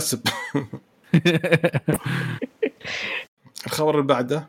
جوجل قالت آه، عطت تنبيه لمستخدمين كروم نسخة ال 81 على ويندوز وماك ولينكس إن انتبهوا إن في مشكلة فيه إن في vulnerability وإن أوه. حاليا اكتشفوا المشكلة هذه بس ما يبغون يعلمون لأنه ممكن إن الضعف هذا أو ممكن يستخدم exploit حاليا إنهم حاليا هم لقوا المشكلة ذي ولكن إنه ما يبغون يعلنون وش هي بالضبط وكيف تسوي لأنه لو استخدموها يقدر إن الواحد يستخدم الجهاز كامل يوصل access للجهاز لكل معلومات جهازك. فهم يقول ترى في مشكلة إحنا حنحلها والآن ما حد يدري عنها إحنا اكتشفناها بنفسنا. فلا تخافون نحلها. 81 in general ولا كيف؟ لأنه أنا عندي 81 81 كروم 81 بس هي 81.0.4 ما 0.4 أعلنوا. 1 2 خلاص هو اللي عندك خلاص. أي واحد أنت؟ أوكي. أنا أوكي 81 في البداية. سي في إي 2020 6462 ولا سي في إي 2020 6461 يلا. هذا أفضل المع- المعلومات اللي عندي. شوف هو آه، ثمانية واحد صفر أربعة صفر أربعة أربعة واحد تسعة ثمانية. طيب اللي حفظ. أنت؟ ماشي. عندك أجد من هذا. رقم جوال آه، آه، هذا شاحن اشحن جوالك؟ آه، أوكي. أكيد حق الكروم. أوكي. طيب اذا كلنا 81 أيوه. إيه كلنا أكلناها. خلاص يلا. أوكي. حلو. المهم يقول لك عشان الجيش الأمريكي جالس يستخدم ط- لعبة War Thunder عشان يجربون يدربون الجنود خلال وقت الحجر. ام خلاص. training أنا مؤهل إني أكون من الجيش الأمريكي دحين خلاص أنت أنت جنرال أنت. طيب. أنا ليفل 100 السبب فور كويسة. ثندر لا لا هو جنرال الحين. أنا دحين كوماندر كبير فور ثندر أوكي. أوكي. مؤهل إني أعمل لونش نيوك حلو. آه أعلنوا عن معيار جديد للشحن اللاسلكي باستخدام تقنية ال NFC إيش رأيكم بالحركة؟ على فكرة بس إضافة على موضوع حكاية لعبة وور ثندر اللعبة من شركة روسية. حلو ممتاز. أهنيك يا بطل. حتى أخذ break. يلا. تدريب مع العدو. live أوكي. طيب الخبر اللي بعده يقول في إعلان عن معيار شحن لاسلكي جديد باستخدام تقنية ال NFC آه، حيكون اسمه WLC بس ما ي... لا تخافون ما حيصير مشكلة مع ال Qi wireless لأنه ما يقدر يشحن هذا إلا 1 واط فقط لا غير حاليا يعني. الناس وصلوا 30 واط وحنا هذا لسه 1 واط. بس يقول هذه ما حي تستخدم للجوالات يستخدم مثلا للسماعات ولا شيء زي كذا الأجهزة الصغيرة يقدر يستخدم فيها. فحطوا التقنية وأعلنوها واللي بيستخدمها يستخدم. يا رجل هذا يدوب يشحن USB هذا هو. فالحين آخر خبر عندنا يقول لك أريكسون وقعت اتفاقية خاصة بتنق... بتقنية الجيل الخامس مع أكبر شركات اتصالات بالصين تشاينا موبايل عشان يوفرون. شبكة النفاذ الراديو الآران ومكونات الشبكة الأساسية لتقنية الجيل الخامس في الصين. الشباب يبغون يسرقونها. قالوا تعال عندنا حطوا أجهزتكم نسرقها من سريع سريع بدل ما نسرقها من دولة ثانية تعال عندنا. إيش رأيكم في إنه أريكسون تدخل؟ وهواوي يعني. نوستالجيا مم، ماني ما أدري كيف أقولها لكن آه، خلينا نقول إنهم يبغون سرعة أعلى من السرعة اللي توفرها هواوي ونصفي النية. أوكي حلو. طيب تسريبات. عندك آه، تسريب يا حسين عن ال Fold؟ عندي تسريب قبل ال Fold عندي تسريب عن الجوال. طبعا سامسونج طلعت إعلان ل أو فيديو في اليوتيوب إعلان لميزة ال- ال mirror حقها أو اللي هو تنقل ما في جوالك للشاشة اللي عندك. زي. أوكي حلو.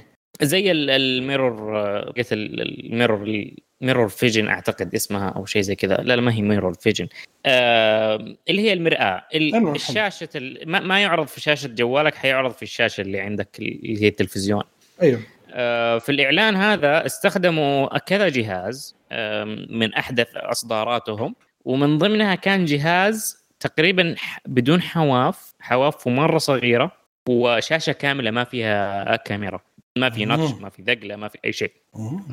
فالإشاعات والتسريبات قاعدة تقول إن هذا Note 20 أوه يعني. نقدر نق- نقول إن الجهاز حيطلع بدون كاميرا أنا أوكي خلاص that's it حان الوقت لل upgrade خلاص استنى أجل، استنى لا تستعجل.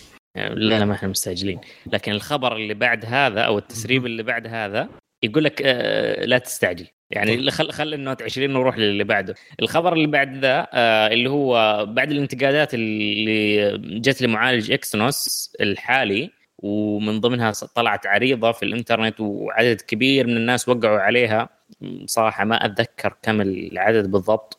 ولكن يوم خشيت العريضة لسه طالعه ما لهاش حتى ثلاثة أيام كان قد تجاوز العدد آه، 150 ألف شخص. الزبدة سامسونج زعلت من الموضوع وقالت أنا أوريكم. آه وقاعد تطلع تسريبات إنه في آه ال- ال- ال Exynos الجاي اللي هو Exynos 1000 رقمه 1000 راح يستخدم آه AMD آه GPU بدل بدل من اللي الآن شغالين عليه وراح يكون أقوى بمرتين ونص. من ال Snapdragon 865 يا قوي. لكن ما راح يجي على ال Note 20 لسه شغالين عليها لسه شغالين عليه. أم... أوكي. الحين سؤال الحين Exynos مو هو ب 9000 وبدري 700 وكم؟ حيرجعون إلى 1000 ما أدري عنهم. لحظة أنا 1000 المعلن إنه 1000 اي إيه، بس أقول ف- لكم الحين جوالات الحين Exynos العادي حقه 9985 كيف إنه- ما عليك. ممكن 10000 10000 ممكن مشكلة.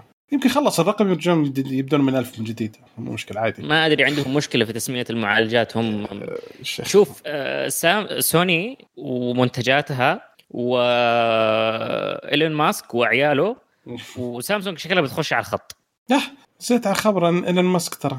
واحد ما, ما أدري ليش قاعد مشفر اسم ولده إيه اسمه كالن. كا- كي كي إيش؟ كالن؟ كيلن. كيلن اسمه. بس حطه مشفر. لا وزي الشيء الثاني على سالفة ال- انه ماسك ترى الرجال نزل تغريدة ي... يهاجم البقاء في المنازل يقول انتهاك الحريات و free America أنا قايل لكم الرجال حيكون شرير استنوا بس ما صدقتوني. حيتحول لكس لوثر. بعد والله حيتحول بالذات بعد ما سمى ابنه أنا خلاص غسلت يدي. طيب حلو.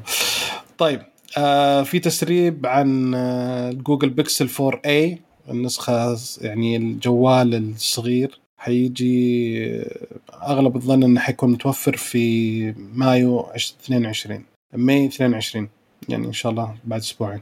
حيكون سعره تقريبا 399 دولار حيجي كاميرا خلفية واحدة 12 ميجا وشاشة 5.8 زي كذا. نعم نعم. الحين كان عندك خبر يا ما أدري في أحد جالس يلعب يحرك ويدف ويدفدف. عطنا خبرك يا معن تسريب آه، Snapdragon أوكي Qualcomm آه، احتمال ال Snapdragon 875 حقها اللي حيجي قريبا إيش؟ إيش؟ حيكون عليه آه ال details ما هي مرة كثير بس إنه حيكون احتمال 5 نانومتر من ناحية ال design. حيكون عليه معمارية آه Kryo آه 685 ARM v8 آه حيكون عليه برضو كمان ال Adreno 660 وهذا آخر إصدار. آه من المزايا الإضافية اللي حتكون برضو في في المعالج آه حتكون اللي هي تقنية اتصال الواي فاي 6 اللي هي 802.11ax آه وحيكون برضو عليه المودم ال X60 لدعم الجيل الخامس. هل حيكون هذا optional ولا ضروري لازم يكون موجود؟ ضروري. اي دي حيكون زي حيكون زي 865 غصبا عنك تاخذ الجيل الخامس غصبا عنك. فما حيغيرون. أكيد. يا أوكي. طيب يا آه، مستر سامسونج وش التسريبات عندك عن سماعة سامسونج بعد؟ مستر سامسونج. والله. كمية أخبار اللي حاطه هذه الرجل. كل شوي أحذف ويحط أحذف ويحط. غشاش. أخي الفترة هذه كلها سامسونج. أنا إيش ذنبي؟ طيب. تهرب. أوكي. سامسونج في تسريب طالع للسماعة حقها ال Galaxy Bud X Buds X إن حتنزل مع ال Note 10 أو حتنزل مع ال Ultra آه، عفوا الجهاز ال Galaxy Fold 2 ال- شكل السماعة غريب آه، صاير زي حبة الفول. آه، ما. أدري كيف. فاصوليا ما, ما أدري. برضو من الإشاعات اللي طالعة إنها راح تكون فيها عزل صوتي كابجريد حجمه صغير ولا كان في عزل صوتي ممتاز؟ حجم إي حجمها صغير وفيها عزل صوتي بالإضافة إن البطارية حتتحسن بالضعف عن السابق. حلو. آم، والسعر حيتدبر؟ مقارنة بال إيه عاد هذه أشياء أساسية. عارف كيف؟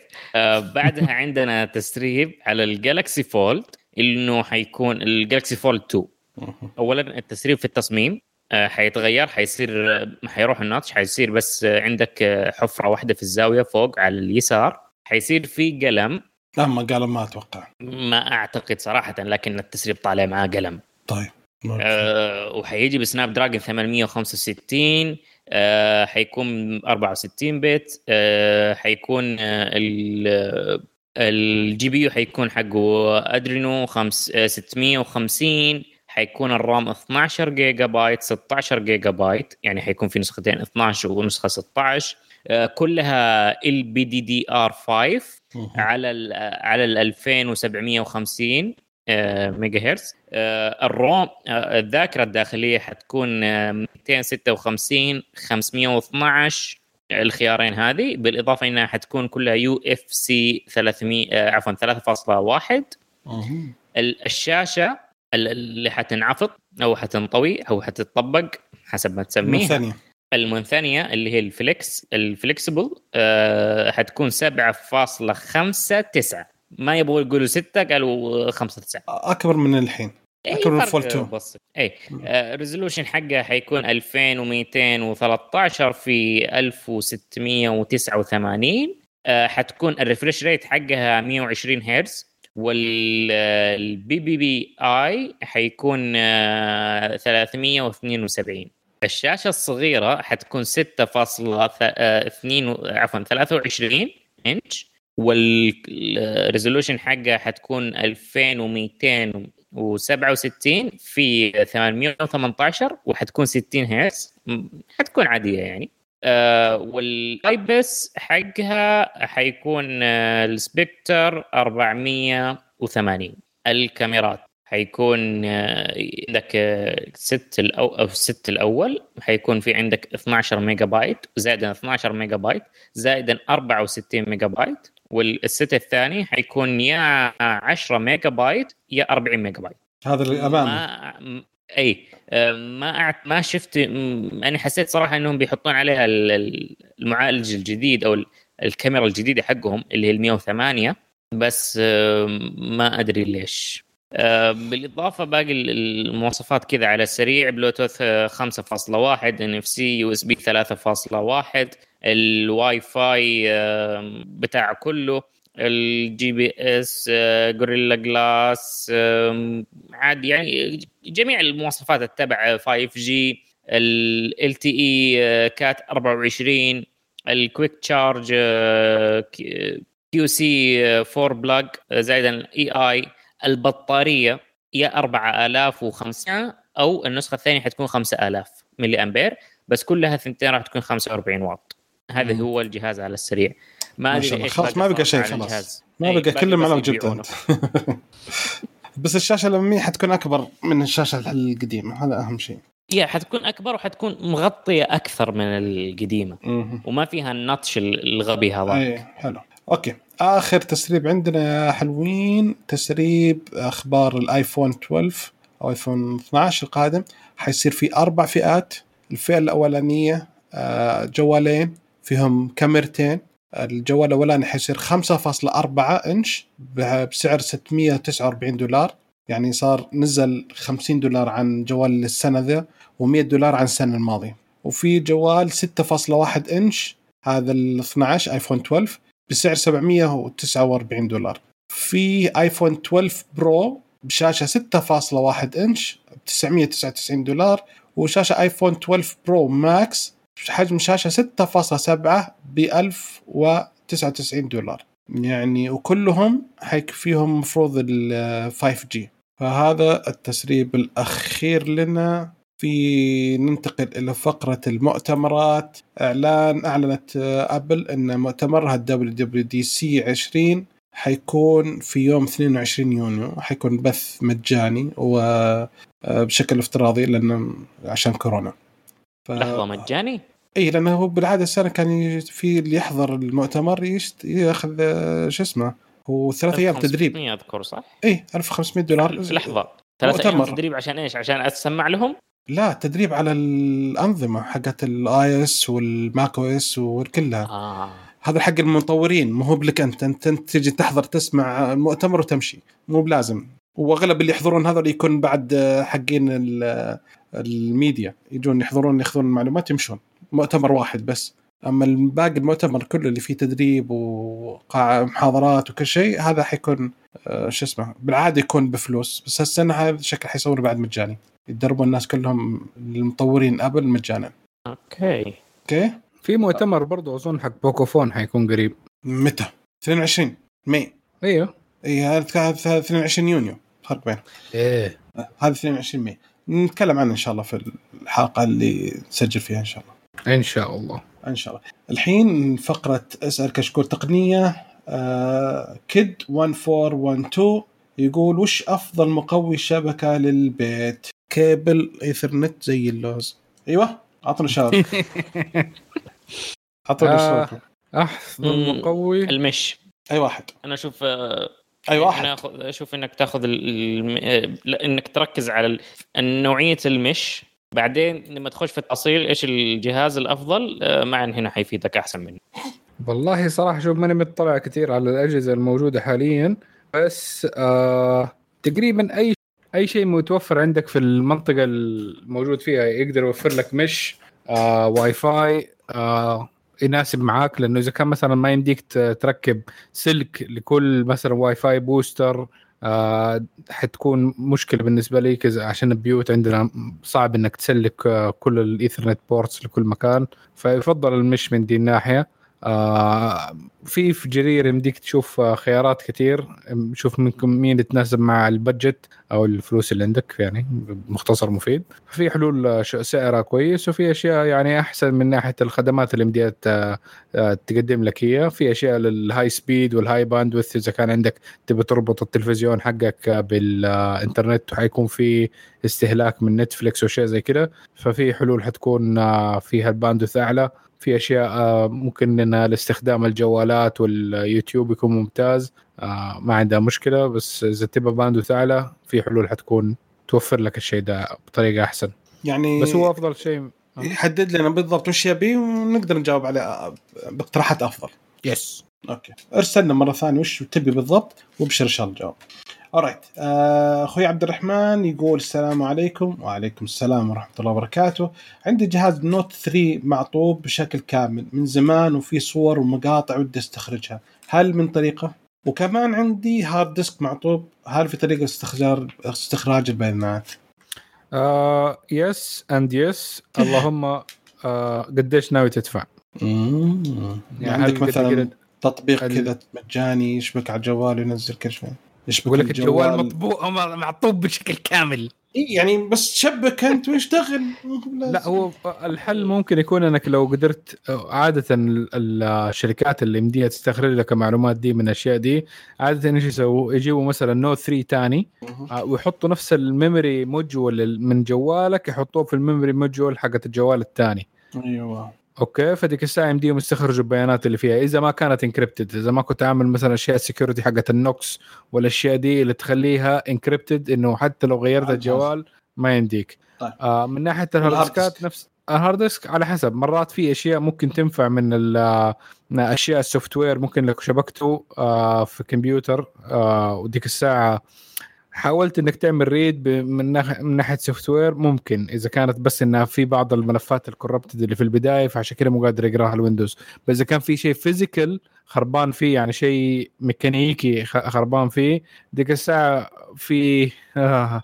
شركات لا لا لا الشركات لازم هي تودي لها. هي إذا كانت حتدفع مبلغ كبير صراحة. إيوه إذا كانت المشكلة simple ممكن تكون إنها لدرجة إنه IC معين محروق عندك وبس لازم يستبدلوا يستبدلوه ديك الساعة يحاولوا يقروا الأشياء وينزلوها من من hard drive هذه عادة حلول حقتها من نقول من 100 ل 100 دولار أو أقل أو أكثر زي كذا. إذا ما كانت من ذا النوع تحتاج إنه يحتاجوا إنهم يجيبوا إذا عادة هذه إذا كانت ال- platter أو ال heads تكون خربانة ديك الساعة لازم برضو نفس الشيء يجيبوا hard disk من نفس النوع آه ويحاولوا آه ينقلوا كل ال data اللي كانت عندك ال platters أو ال head ويعملوا لها migration للج... للجديد أو ال- اللي على الأقل عارفين إنه شغال ويحاولوا يقروا منه. آه هنا في برضه مشكلة ثانية إنه مو ضروري إنها تنفع دي دي طول الوقت لأنه صعب إنك تلاقي دائما نفس ال drive خاصة إذا ما كان متوفر. مرات كثير يمديهم فبس عادة انه تكون ال- السعر حقها دائما أعلى. آه بعدها ممكن لأنه كل hard disk تقريبا آه، كيف أقول لك؟ لما نكتب على القرص كل واحد unique مميز من ناحية له. بنايته الخاص بالضبط له بناية خاصة. حتى لو إنهم كانوا من نفس ال line يعني اثنين طالعين من نفس ال- line مو ضروري إنه هذا يمديه يقرا يقرأ الثاني مع إنهم طال... أخوان ورا بعض نزلوا. آه فعادة لازم يكون برضو يشبكوها بجهاز متخصص مشبوك على الكمبيوتر على أساس إنه يقرأ كل ال data اللي يمديه يقدر يقراها.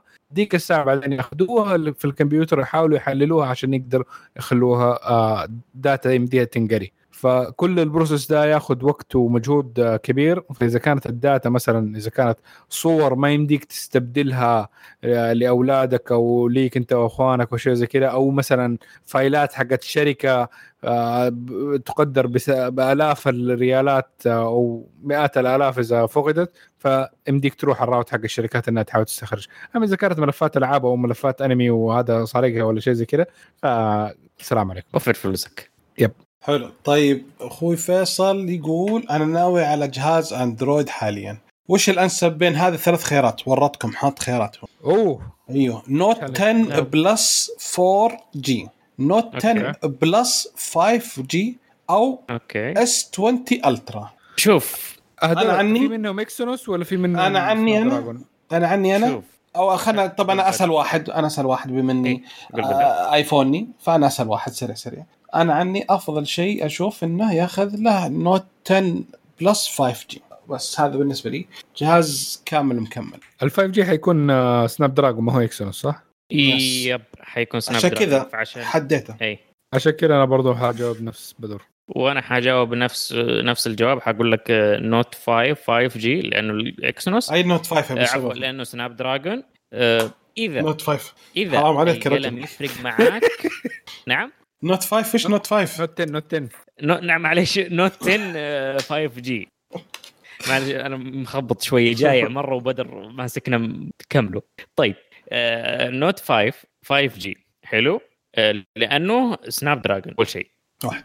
إذا ما كان يفرق معاك الشاشة والكاميرا حق ال S20 Ultra والله ما فيش ما مقلب ال S Ultra أي شيء شوف هو أي شيء إضافي عن Ultra مقلب. اسمع أي شيء إضافي عن قدرات كاميرا ال note ب 10 plus أنا أشوف إنه كله مو بزين. الأشياء الإضافية اللي يسويها ما ما هو بزينة. النوت 10 كل المزايا اللي كسوفت وير جت للنوت 10 نزلت عليه. كل المزايا اللي في الأترا نزلت على النوت 10 فما عندك طيب، 10 سالفة إنك 10 فوق ال الشاشة 30 20 الشاشة 120 عفوا. إيه. الريفرش ريت حق الشاشة 120 أشيك. أنت سولف شوية لأن ما أشيك له رجال ما ما أعتقد إنها 120 شوف ال big deal ال refresh حق الشاشة بين الجهازين والسعر صراحة. سعر ال Ultra مرة مبالغ مبالغ فيه. أنا أرى إنك تأخذ ال- ال note 10 ال 5G إذا ما أنت مستعجل انتظر ال note 20 وعلى طول already حتكون نسخة 5G بس إذا قدرت تأخذ نسخة ال Snapdragon حيكون أفضل. فرق السعر تقدر توفره في إكسسوارات محترمة. تقدر تاخذ لك أه، كذا cover military grade كويس وتاخذ لك عليها كذا سماعة. ما أعتقد معا؟ refresh rate 60 ال S20 ها؟ ال note 10 refresh rate 60 60 أوكي إذا ما يفرق معاك الكاميرا والشاشة خذ ال note 10 that's it وفرق السعر تقدر تجيب فيه آه، حاجات كويسة تقدر تاخذ فيه حتى كم ال- ال- النوت 10 ب- بكم؟ ب آه، 3500 ال 5 جي اي ال 5 جي. آه ما ما ميبي لو قلنا ب 3500 وهذاك ب 4000 وكم؟ 600 مهم. خلينا شيك جرجير الحين دخلت عليه النوت 10 طال عمرك الحين نزل سعره ال 3300 ريال. 5 لا، جي هذا 200 ال 4G. ال 256 5G 256 اي هذا موجود عندي. محطوط Samsung Galaxy Note 10 Plus أو هذا ال 4G أنا قايل لك 4G ال S20 ال Plus مو حتى ال Ultra ب 4100 فيعني فرق السعر تقدر تاخذ فيه PlayStation تقدر تاخذ حينزل. بلاي ستيشن جديد. اي عارف؟ فأنا أشوف خذ ال- ال note آه، أفضل لك. أو إنك تستنى ال note الجديد. حلو كذا الله يعطيكم العافية. كذا أعتقد إن خلصنا الأسئلة وصلنا لنهاية الحلقة. نشكركم على استماعكم لنا. نتمنى أنكم تساعدونا على الانتشار منكم تقيمونا على ال iTunes وتزورون الموقع وتشاركونا بارائكم في موضوع الحلقة. ردودكم تهمنا. اتمنى أنكم تتابعونا في ال social media على تويتر وانستغرام Snapchat وعلى موقع يوتيوب قناتنا الخاصه وسووا subscribe. ونشوفكم إن شاء الله على ألف ألف خير. سوني فيديو 8 the new standard. مع السلامة.